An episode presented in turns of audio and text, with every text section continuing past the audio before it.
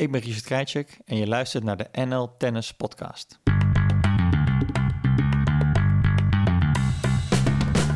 Welkom bij deze speciale editie van NL Tennis Podcast. En ik zeg speciaal omdat we deze aflevering thuis te gast zijn bij Richard Krajcek. Maar voordat we dat kunnen laten horen, iets anders. Want onze opname werd ingehaald door de stormachtige ontwikkelingen op de US Open. We waren nog niet thuis van de opname met Krajcek of Novak Djokovic maakte gehakt van onze voorbeschouwing met Richard op de tweede week van de US Open. En dus voorbeschouwing in de prullenbak. En in plaats daarvan spreken we Richard nog een keer, dit keer telefonisch, en vragen of hij zich kan vinden in de disqualificatie van Djokovic.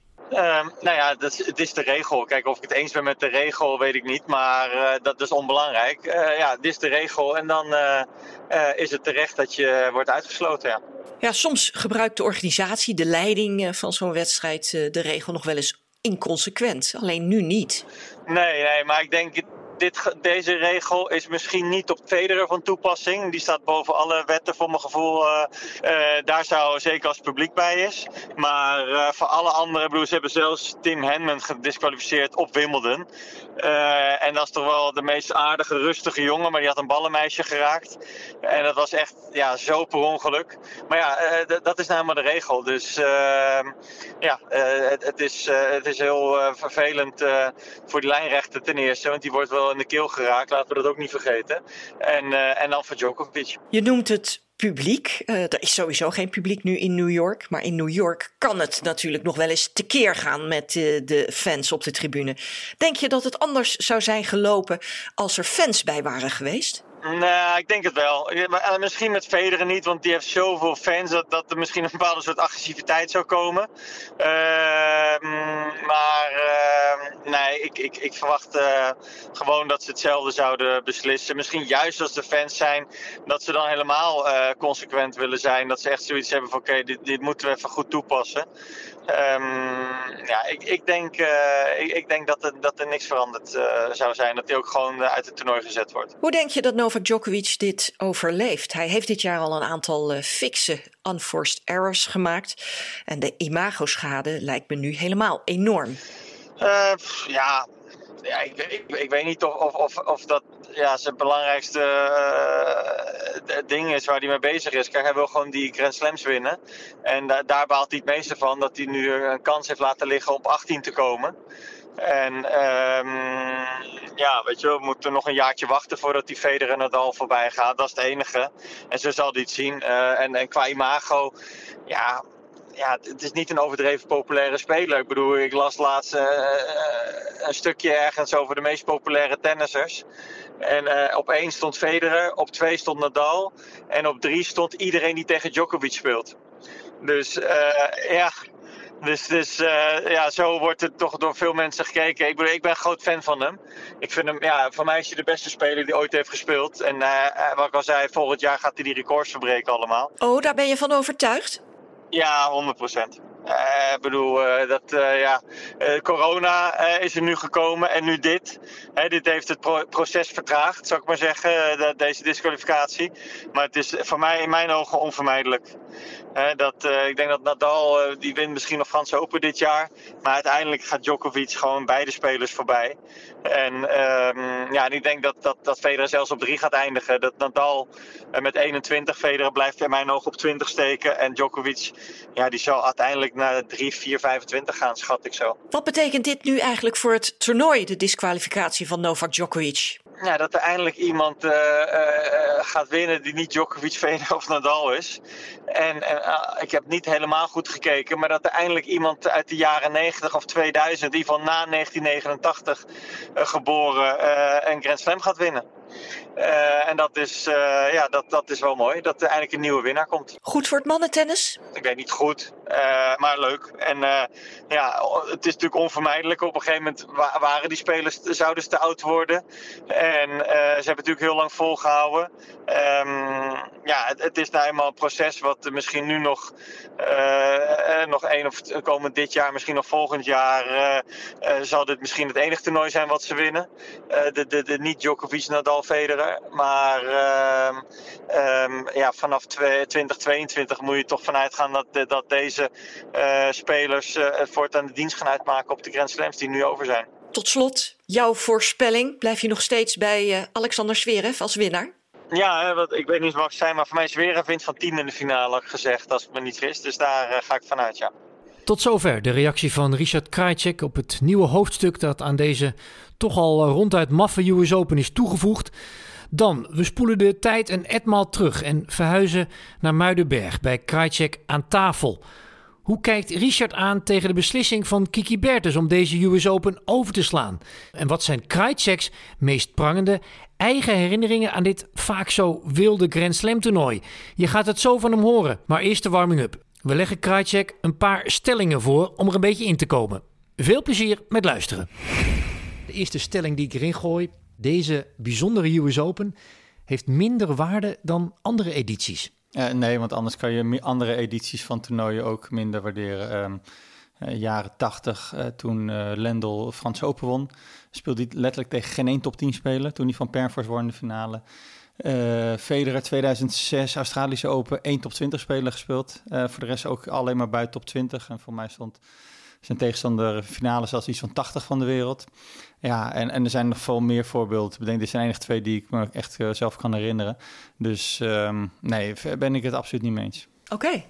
Uh, Kiki Bertens, maakt zij een slimme keuze door voor het uh, gravel te kiezen en niet voor New York?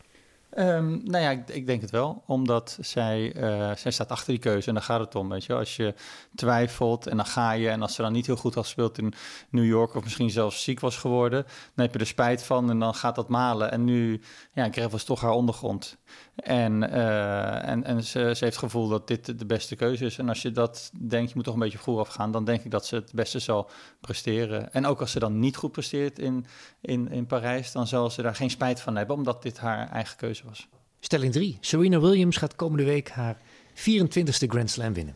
Nou, dit is wel volgens mij haar grootste kans, maar ja, het is. Uh, ik, ik, nee, ik denk het niet. Zij, zij, zij ja, er, zijn, gewoon te veel uh, jonge, goede speelsters. Maar misschien is deze US Open haar, haar enige kans. Maar we hebben wel gemerkt dat de paar keer dat ze finale stond, dat ze de kans had, dat er dan heel veel druk komt kijken. En dat, is natuurlijk ongelooflijk opbouw van, ja, ze gaat het nu, nu halen eindelijk.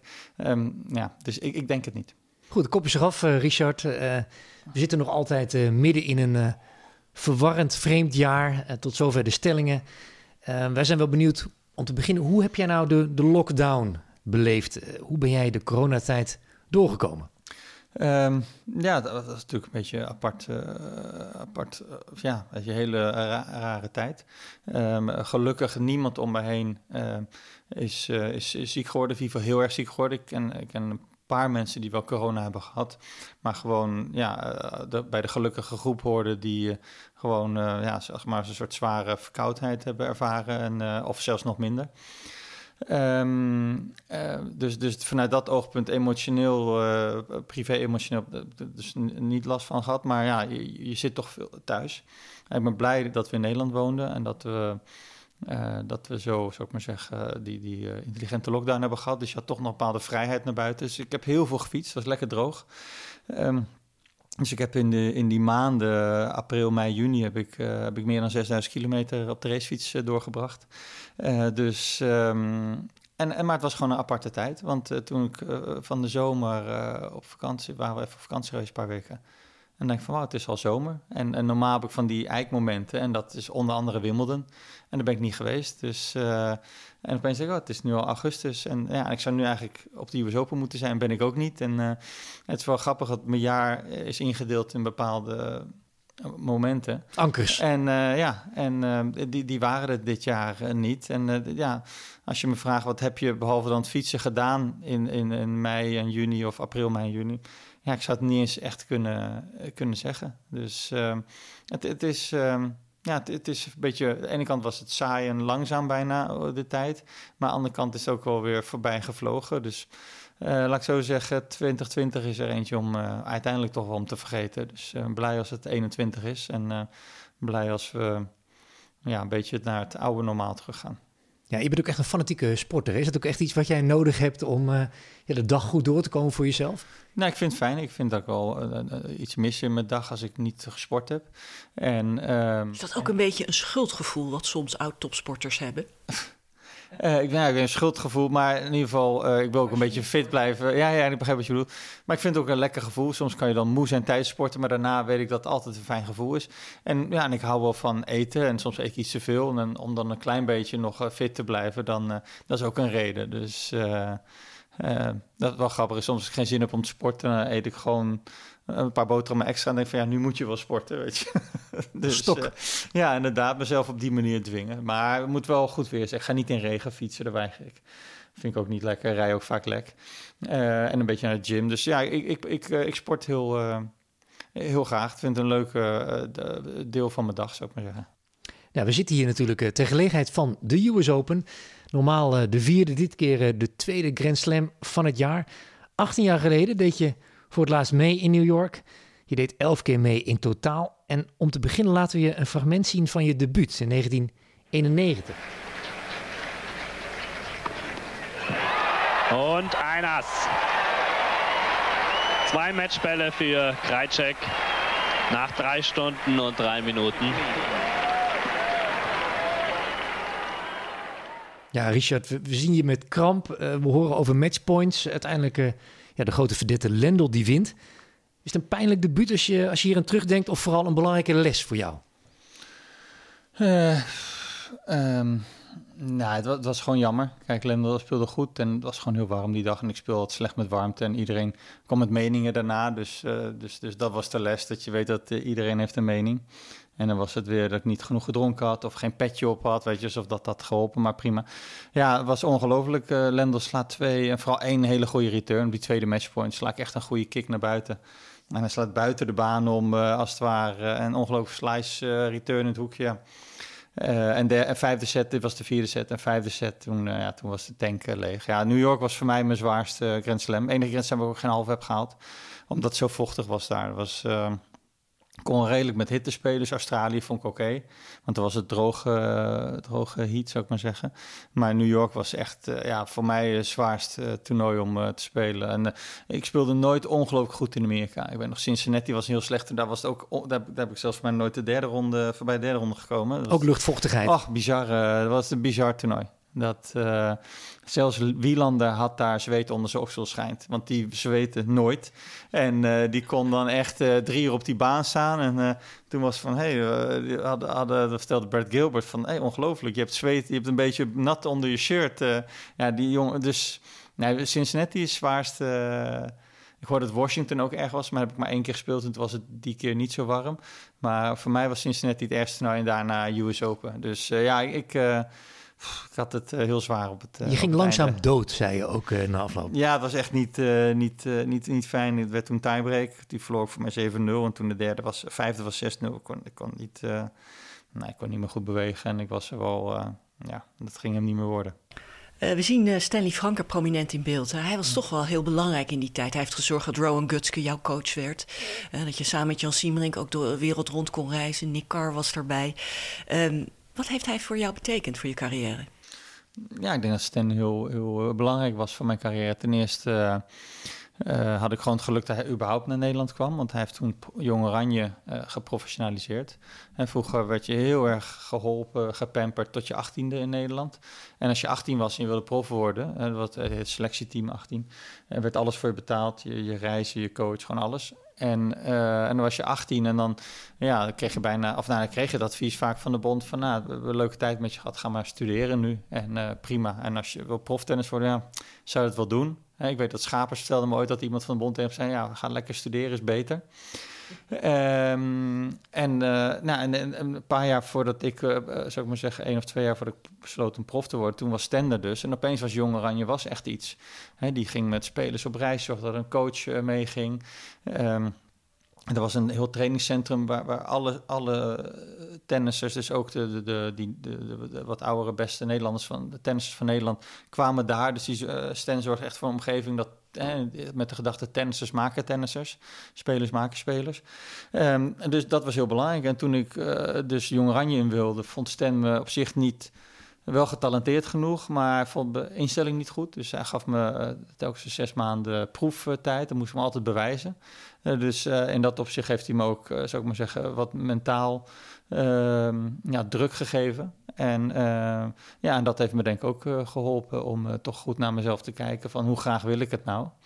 En um, ja, dus, dus de STM was echt... En hij haalde dus een paar buitenlandse coaches, uh, Rowan Gutske en Nick Carr, naar, naar Nederland toe.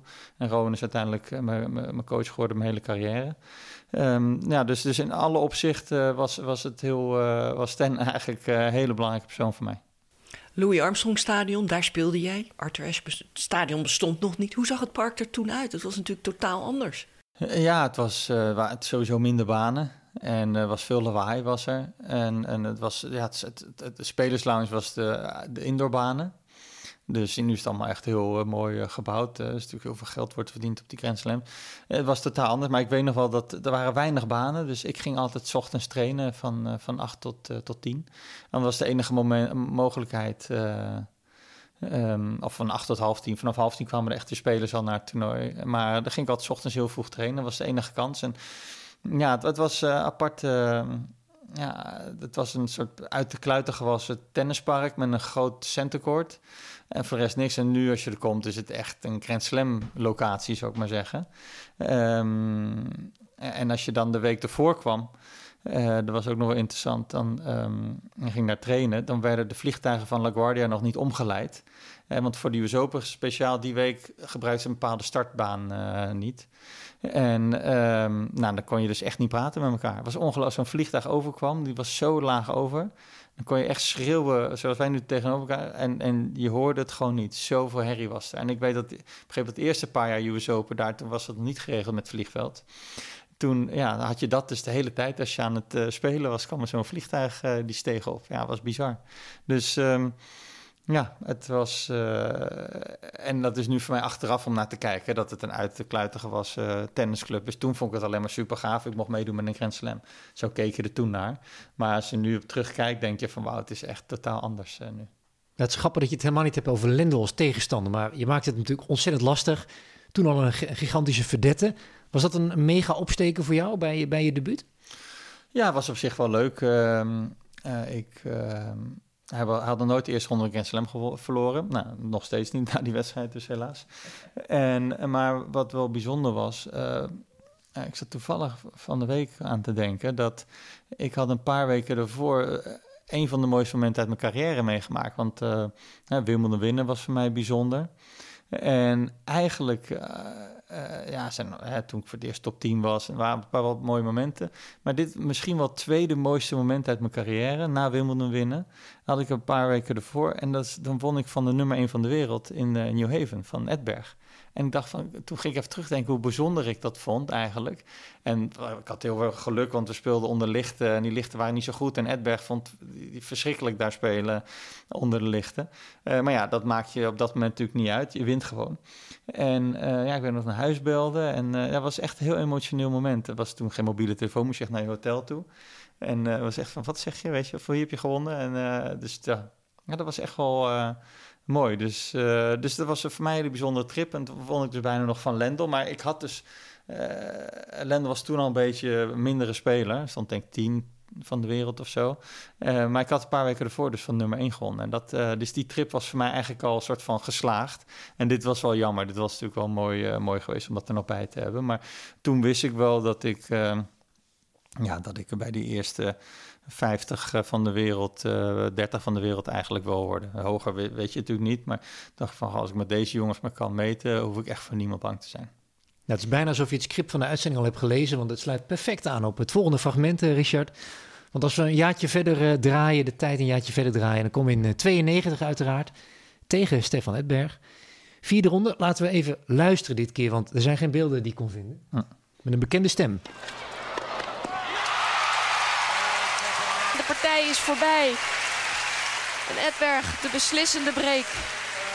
6-4 in de vijfde set. Wat een teleurstelling voor Krajcek die de service break voorstond.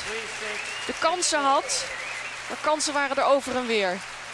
Het is Edberg uiteindelijk die doorgaat. Ja, Richard, uh, je stond 3-1 voor in, in de vijfde set.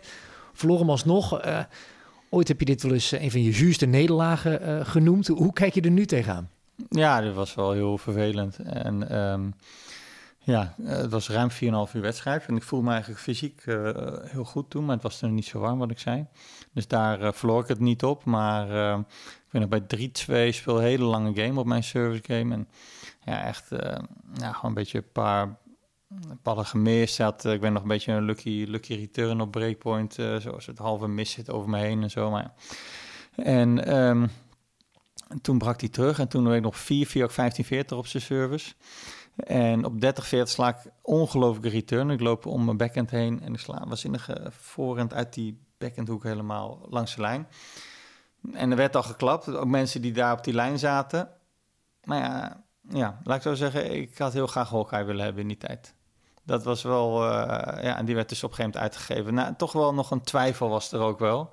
Want voor mij de linesman zei in, maar dat weet ik niet zeker om eerlijk te zijn. Maar er was in ieder geval zeker een hele late call. Dus um, ja, dat was jammer. Anders had ik voor de wedstrijd gesfeerd op 5-4. Um, ja, en de ronde daarna tegen Cheng, waar ik goed tegen speelde altijd. Uh, of nee, de ronde na tegen Lendl, waar Lendl ik vaak van, van, won. En daarna, ik had toen wel verloren US ook, maar ik won best wel vaak van hem. Ik vond wel fijn spelen tegen Lendl eigenlijk. En dan Cheng en dan uh, Sampras was ziek in de finale. Ja, dat, is, dat, was, dat was een grote kans voor mijn eerste Grand Slam titel. Ja. ja, dus dat was, die wedstrijd zelf was zuur. En hoe ik later het verloop zag, dacht ik van... Pff, dat, uh, ja, dat was ook zuur. Grappig hè, hoe, hoe, hoe tennissers eigenlijk ieder punt nog herinneren. En vooral de belangrijke punten, hè? want dit is toch nou ja, 1992. Ja, ja, nou, tijdens mijn carrière kon ik je veel meer dingen vertellen. Um, en nu uh, onthoud je dat soort wedstrijden. Allemaal opgeslagen hier. Er zijn heel veel wedstrijden, die weet ik niet meer. Maar tijdens mijn carrière wist ik eigenlijk alles. En, want dat is natuurlijk de ervaring. Hè? Dat is natuurlijk als je de onbe, onbewuste beslissing op, uh, op de baan neemt. Dat doe je op basis van wat, wat je in het verleden hebt meegemaakt. Dus je slaat het allemaal op. En op een gegeven moment laat je heel veel los. Maar dit is wel een wedstrijd die, uh, ja, die was wel pijnlijk. Dat, ja, die had ik niet moeten verliezen. Ik had op 3-2 mijn service niet moeten verliezen. Dat was mijn eigen schuld. Ja, en ik voelde dus niet helemaal lekker met de beslissing op, op breakpoint naar 5-4. Daar, uh, ja, die had ik graag nog, wat ik zeg, ik had graag Hawkeye gehad in die tijd. Ja, en als je, als je, het, als je, als je Roger hoort praten, die zegt, ja, nederlagen ben ik altijd snel kwijt. Roger Federer tegenwoordig. Hoe, hoe was dat bij jou in je carrière? En, droeg je dit soort lelijke momenten nog lang met je mee? Nou, nou, viel mee. Ik, ik heb eigenlijk maar één, uh, en dat was een totaal onbelangrijke wedstrijd eigenlijk. Eén, één nederlaag lang met me mee. Ik denk wel twee, drie maanden dat ik daar. Uh, en voor de rest was ik, deze was ik uh, twee dagen daarna echt alweer vergeten. Maakt niet uit, weet je, een nieuw toernooi. Maar ik speelde een keer finale New Haven tegen Agassi. En ik had matchpoint, en, maar ik ben nog gesfeerd tegen de zon, dus was het niet fijn. Maar oké, matchpoint had ik. En, uh, uh, uh, en toen sloeg ik een goede service. En, hij, en toen sloeg ik nog een bal. En, en ja, ik maakte daar gewoon een verkeerde beslissing. En ik verlies die wedstrijd gewoon. En denk, wauw, dat is echt een verkeerde beslissing had ik daar genomen. Ik had een bal moeten verleren en die liet stuiteren. En nou, in ieder geval, ja, uh, ja, een manier, daar, daar had ik echt... Uh, ziek van? Ja, daar was ik echt ziek van. En ik weet niet eens waarom. Misschien omdat het Agassi was of omdat dat finale was. Of... Ja, nee, daar was ik... Nee, dat vond ik geen fijne uh, verliespartij. Dus die heb ik denk, dat is denk ik de verliespartij die ik langs heb meegedragen. Niet Ivanisevic, uh, Wimbledon, uh, 15, 13 was of 30, weet ik hoeveel dat was. En deze ook niet. En dat, dat waren, als je kijkt qua carrière, veel zuurdere nederlagen.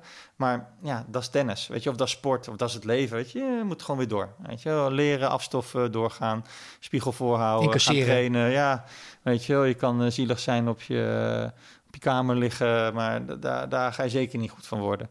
Dus nee, dat uh, kon ik eigenlijk wel snel. Maar het is echt letterlijk één wedstrijd. Weet wel dat ik toen, nou, ik denk dat uh, dat, dat was dus in eind augustus gebeurd. En, en ik denk dat een van de laatste toernooien van het jaar nog in november, begin november, eind oktober. Toen zei ik, oké, nu moet ik kappen. Weet je wel? En toen heb ik het ook, ben ik ook mee gestopt om over, dat, over die wedstrijd na te denken. Dat is bizar. En ik kan niet eens verklaren echt waarom. Maar ik denk gewoon dat het soms kan je, zoals tegen Edberg, van nou ja, weet je, ik kan mijn service niet moeten verliezen, maar hij nog één of twee beetje lucky shots. Ik miste wat ballen. Uh, nou geval, Maar de Agassi was helemaal mijn schuld. Die matchpoint uh, had ik gewoon totaal verkeerde beslissing gedaan. Dat ik die bal liet stuiteren aan net in plaats van dat ik hem gewoon wegverleer. En um, ja, dat, dat, uh, dat, dat achtervolgde me gewoon en daar kon ik niet loslaten. En dat heb ik dus echt wel twee maanden over gedaan, ruim. Je bent uh, eigenlijk al heel vroeg in je carrière heel professioneel geworden met je team, met je instelling, met je trainingsaanpak. Uh, als je in New York speelde, uh, logeerde je in de stad. je had een apart hotel. Hoe, hoe leefde je daar? Had je daar zeg maar je eigen bubbel om je helemaal te focussen op dat Grand Slam? Nee, op die Grand Slams dan, kijk op ATP-toernooien, dan is altijd een hotel wat het toernooi aanwijst, zou ik maar zeggen. En dan kan je wel ergens anders zitten, maar over het algemeen zit je gewoon met alle spelers. Maar in Grand Slams krijg je geld per dag en dan moet je maar zelf uitzoeken, omdat het gewoon zoveel spelers zijn. Dus ik zat in een hotel waar, uh, wat ik fijn vond, er was een hotel waar uh, toevallig niemand zat, geen speler dan. En dus daar kwam ik heel graag. En dan had ik inderdaad mijn eigen tentjes. En, uh, lekker eten? Ja, inderdaad lekker eten. En ja, en ik heb, ja, ik, dat was wel grappig. Ik heb vroeger een competitie gespeeld met een Amerikaan. Die was um, nou, helemaal niet zo'n goede speler. Ook niet professioneel goed. We probeerden wel een beetje prof te zijn. En die zei, die zei tegen mij, en toen was ik nog 15 of 16. Hij zei, ja, als ik contract kon tekenen dat ik kon zijn... en ik zou uiteindelijk mijn geen schulden hebben... maar ook geen geld aan overhouden, zou ik het zo doen.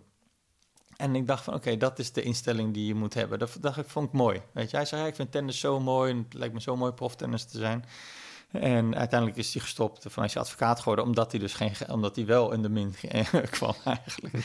en, uh, maar die gedachte heb ik altijd vast, ook begin van mijn carrière. Dus, uh, en dit was een beetje een begin, dus ik ging in een hotel zitten waar ik dacht van, nou, dit is optimaal voor mij. Ik nam dus een coach en maar ook dus uh, sommige toernooien op de Grand Slams had ik dus uh, fysieke begeleiding bij me.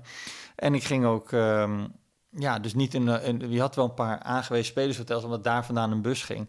Nou, dat had ik ook één keer gedaan, dat je met de bus naar, naar dan denk ik van oké, okay, dus of Nooit meer. toernooiauto, of ik neem gewoon een taxi denk van ja, dat, dat zag ik als onkosten wat me een betere speler ging maken. Dat ik dan zonder stress aankwam op het uh, toernooi. Um, dus je probeert inderdaad je eigen plek te creëren waar je waar je, je goed voelt. En dat, dat, uh, ja, dat doen eigenlijk alle spelers uh, nu wel. En zeker omdat er nu zoveel geld wordt verdiend. Wij verdienen al veel geld, maar momenteel is het helemaal natuurlijk veel. Nam je nog veel familie mee of bekenden of vrienden bij de Grand Slams of in New York? Nee, niet echt. Ik weet nog dat ik uh, eerst, mijn eerste Frans Open die ik speelde, toen ging een vriend van school mee. En, en die was heel sportminded, dus die vond, en dat deelde ik, maar weet wel, stem was toen heel boos op mij. Maar dat was een jongen die was echt top, weet je wel. Was, we sliepen samen op elkaar, maar we hebben echt veel, zou ik maar zeggen, lol gehad. Maar hij was alleen maar bezig met mijn tennis, zou ik maar zeggen. En uh, dus hij snapte alles. Maar uh, ja, toen heb ik wel, zou ik maar zeggen, mijn lesje geleerd in dat opzet. Dat ik denk van, oké, dat is is niet de bedoeling. Dus ik heb weinig... Uh... Dat heeft Stenje ook wel duidelijk gemaakt. Ja, hij was echt boos. Terwijl ik probeer nog uit te leggen... nee, deze jongen is heel tennis-minded, weet je wel. Bij spreken nog meer dan ik, weet je wel. Dus die, uh, die op een gegeven moment zegt... we moeten nu, nu gaan slapen en nu... Maar ja, anyway, dus dat, uh, dat was dus not done. Dus daarna heb ik eigenlijk... Nee, nee, af en toe uh, kwam Daphne mee. Uh, uh, maar over het algemeen, des te meer mensen om je heen, des te meer kans op drama eigenlijk ook. Dus en daar, daar hield ik helemaal niet van. Dus uh, wat dat betreft blij dat mobiele telefoons en Instagram, al die dingen niet bestonden. Want dan, ja, we, hebben echt wel geluk mee gehad, nog onze generatie, dat we uh, gewoon weinig afleiden. Als ik niet gestoord wilde worden, zei ik gewoon beneden te, tegen de lobby mensen bij het hotel. Ik zei, ja, ik wil niet gestoord worden. En kreeg geen één telefoontje en dan niemand die je kon bereiken of wat dan ook. En dan kon je ook echt bijkomen. En nu moet je echt bewust die telefoon wegzetten. Nee, je moet dan ook weer, toch die social media moeten weer bijgehouden worden, misschien voor je sponsors en zo. Het is andere tijd nu. Ja. En, en met, met dat in je achterhoofd, hoe kijk je naar de bubbel die er nu natuurlijk bestaat uh, in New York, die gecreëerd is, waar niet iedereen het even makkelijk mee heeft? Uh, wat is jouw idee daarbij? Nou ja, uh, dit was waarschijnlijk de enige manier om het toernooi te organiseren. ja, ik, wat ik weet van een aantal van die Grand Slams. Um, uh, of misschien allemaal, maar zeker uh, uh, Australische Open, US Open en Franse Open. En die zijn eigendom van de bond. en die hebben heel veel verplichtingen. Um, naar, naar hun eigen tennisprogramma toe, naar toernooien toe, die ze sponsoren, futures en challengers. maar ook doen ze heel veel aan grassroots tennis in, in, in, ja, in het buitenland, Afrika en India volgens mij. Dus zij hebben gewoon heel veel financiële verplichtingen in een jaar. En als zo'n toernooi niet doorgaat, ja, dan, dan kunnen ze die verplichtingen niet nakomen. En dan moeten ze programma's misschien gaan opheffen. Ehm, uh, dus ja, ze hebben er alles aan gedaan om door te laten gaan. Dus ik, ja, ik snap het wel. Niet iedereen heeft het geluk dat ze iemand bij Wimbledon, zoals bij Wimbledon, die een verzekering afsluit. Um, ja, dus als dit de enige manier is, dan vind ik dat goed. Ik vind het voor één jaar is het, kan je dit doen. Maar ik denk als volgend jaar weer zonder publiek zou moeten, ja, dan, dan denk ik niet dat ze het zouden moeten doen. Dat is mijn gevoel, weet je wel. Misschien na een jaar is alles weer anders. En als het dan toch door kan gaan zonder publiek, doen ze misschien weer wel, weet je wel. Dan denk je, van, ja, is toch een goed idee. Maar nu precies van, sport kan overleven één editie zonder publiek. Maar twee, ja, dan is het toch een beetje een apart gevoel. Het blijft toch een soort trainingspotje bijna. En, en daar, daarom is het alleen maar des te indrukwekkender hoe die spelers zich toch op kunnen laden... en toch waanzinnig gevechten kunnen laten zien. Uh, dat laat wel de intrinsieke motivatie zien. Want hoe kijk jij ernaar op televisie bijvoorbeeld, zonder publiek? Wel met plezier? Ik moet er zelf ook nog even in vorm komen of in, in een ritme komen. Want ja, ik zie af en toe mensen handen schudden. Ik zie je op, op, op, de, op de ding van Murray. Uh, keek ik wel eens. Die laat dan wel eens wat punten zien op zijn uh, Instagram. Um, en dat is eigenlijk het meeste. En daar zie je dan wel wat, uh, hoe, hoe dat een beetje is. Maar uh, ja, ik heb echt minimaal tennis gekeken. Dus ik moet zelf ook nog in een soort tennisritme komen, merk ik. We gaan weer even terug naar jouw eigen wedstrijden. Richard, tot nu toe uh, alleen maar over nederlagen gehad, vervelende nederlagen. Misschien halen we wel uh, oude wonden open. Dat is natuurlijk niet de bedoeling. Nou, gelukkig. Um, we willen eigenlijk een, iets laten zien waarmee je onbedoelde lachers op je hand kreeg. we hebben het over een overwinning. 1994, enig idee waar ik over ga beginnen? Nee, ik heb geen idee eigenlijk. Maar dan start ik hem gewoon in. He comes back from here, I'll stand on my head during the Courier Krickstein match. The feet of John McEnroe. John, uh, let's talk for a moment. Oh, we got 20 minutes. Yeah, so. I, I want to thank Richard Krajicek for uh, this opportunity. Number one, thanks a lot for all those beautiful serves in the tiebreaker. So Pete Sampras serving notice today, right? Ja, wat gebeurt hier, Richard? Ja, ik had tegen Jan Siemering gespeeld, um, derde ronde volgens mij. En ik stond 6-0 voor in de tiebreak, vierde set. En ik had eerst, ik had zo'n twee sets tegen één voor. Eerste ronde trouwens. Oh, was de eerste ronde zelfs? Ja. Oké. Okay. En, um, en, en toen had McEnroe gezegd bij 6-0 van, nou ja, als hij dit nog... Nou, ik had natuurlijk een hele goede service, dus ik mocht drie keer serveren. Uh, drie, ik had zes matches, matchpoints op rij, waarvan ik er drie zelf mocht serveren. Hij zei, nou, als krijg ik dit nog verlies, deze tiebreak nog verliezen, dan ga ik uh, op mijn hoofd... Uh, Um, ga ik presenteren. En dan zal ik op mijn hoofd staan om dan de presentatie te doen. Nou, en ik verloor die tiebreak inderdaad. Won nog wel de wedstrijd. En, uh, maar uh, die tiebreak verloor. Dus hij, de volgende dag zat hij dus, uh, was McEnroe op zijn hoofd de, de, de, openingspresentatie aan het doen. Ja, en ironisch, McEnroe zegt hier, het is het grootste publiek dat ik ooit gezien heb in dit stadion. Natuurlijk in het licht van nu is dat een interessante opmerking. Was je ook iemand die een beetje ja, beter ging spelen met publiek? Of uh, hoe, hoe, hoe zat jij in die tunnel, zou ik maar zeggen? Nee, ik was prima. Kijk, meestal als groot publiek was, was het vanwege mijn tegenstander. Dus uh, ze waren dan niet tegen me, maar ze waren ook niet echt voor me. En um, dus, maar ja, uh, altijd als er mooie punten zijn, het publiek is wel prima. Ik moet zeggen, Wimbledon publiek, als je tegen een Engelsman speelt, is, is niet top. Ik heb tegen hem een keer gespeeld. Ik moet zeggen, daar, daar kunnen ze wel een beetje heel erg pro-Engelsman zijn. Maar hier zijn ze toch vrij eerlijk, zou ik maar zeggen. Vrij prima. En dus het was altijd wel mooi, weet je wel. Maar um, ja, dus laat ik zo zeggen, het intimideerde me niet. Want dat is natuurlijk vaak wat er gebeurt, omdat het vanwege die andere speler is. En ik weet nog dat zijn, zijn coach had ooit tegen... Um, of eigenlijk uh, niet, ik weet niet of het, of zijn coach was. Voor mij was het zijn broer van zijn coach. Die, had, die Tim Gullikson was de coach van Sam, die was toen overleden. En die Tom Gullikson, die, die tweelingbroer, die was vaak op toernooien. Als, als, uh, vanuit de Amerikaanse tennisbond. Maar die zei een keer tegen Ro, een beetje op het einde van carrière, dat, dat Sampras uh, het gevoel had dat ik een van de weinige spelers had, was dat hij geen locker room wins tegen had. Dat hij heel vaak als hij de baan op ging, en dan was hij even scherp in het begin en dan kwam hij altijd 3-4-0 voor bij spreken of een break voor meteen. Omdat spelers geïntimideerd waren door hem, maar ook door het publiek. En ik had dat nooit. En dat, ja, dat had ik eigenlijk met niemand. En dat kwam voornamelijk door mijn service. Want ik dacht van ja, mijn service is goed genoeg. Ik ben moeilijk te breken, dus als ik mijn service maar blijf winnen, dan, dan wordt vanzelf wel een wedstrijd. Um, maar dat is dus, um, ja, ik, publiek, ja, ik voelde wel eens extra spanning. Eh, en, en, en misschien als publiek me intimideerde, was het Nederlands publiek. Daar heb ik natuurlijk een paar jaar moeite mee gehad. Davis Cup in Nederland en ook eh, Rotterdam eh, spelen. Wat vond je daar lastig aan? Ja, dan merk je toch wel nog meer druk. Misschien is het dan voor het eerst veel publiek voor mij. Terwijl alle andere keren was veel publiek voor Agassi of voor Sampras. En dat is toch anders. En, ehm, en dus heb ik echt ja, pas zeg maar vanaf 4,95, zeg maar na twee, drie jaar pas in Nederland spelen, dat ik goed begon te spelen in Nederland. Maar daar heb ik echt even tijd nodig, uh, tijd, tijd voor had ik daarvoor nodig. Ja. Je hebt het uh, veel over die grote wedstrijden, Sampras, Agassi, uh, Ed Bergval. Maar 1997, US Open, dat was misschien wel het jaar waar je echt had kunnen toeslaan met Korda, Björkman, Ruzetski, Rafter. En daar stond jij ook bij de laatste acht. En toen lukte het niet. Nee, nee. Weet je nog tegen wie? Ja, tegen Ruzetski, ja. Ja, daar had ik zeker finale moeten halen. Want uh, daarna de halve finale tegen Bjorkman, dat, dat, vond ik geen probleem. En finale tegen, tegen Rafter. Ja, daar heb ik voor mij heel vaak van gewonnen. En maar, maar ja, dat was minimaal 50-50. Hij speelde wel heel goed in New York, moet ik zeggen. Maar inderdaad, ja.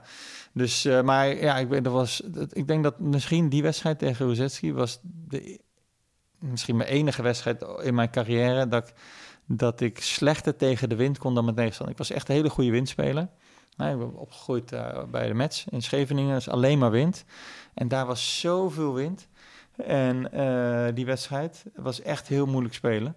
En, maar dat is prima. Maar hij kon daar ook goed mee om. En dat heb ik. ik ja, ik heb eigenlijk nooit iemand meegemaakt die, die, goed met, die beter met de wind omging dan ik eigenlijk. Dus um, ja, het was maar iets van 7-6, 7-5, 7-6. Ja, kwaliteitswedstrijd niet goed, maar het was echt bizarre wind, kan ik me herinneren. Echt keihard. Dat was Richard Krajcek. Krijgt hij gelijk met Alexander Zverev als nieuwe Grand Slam kampioen. Je gaat het horen in de volgende aflevering. Onze terugblik op de US Open 2020. Wil je dat niet missen? Abonneer je dan op deze podcast via de bekende kanalen. Voor nu bedankt voor het luisteren en tot de volgende keer.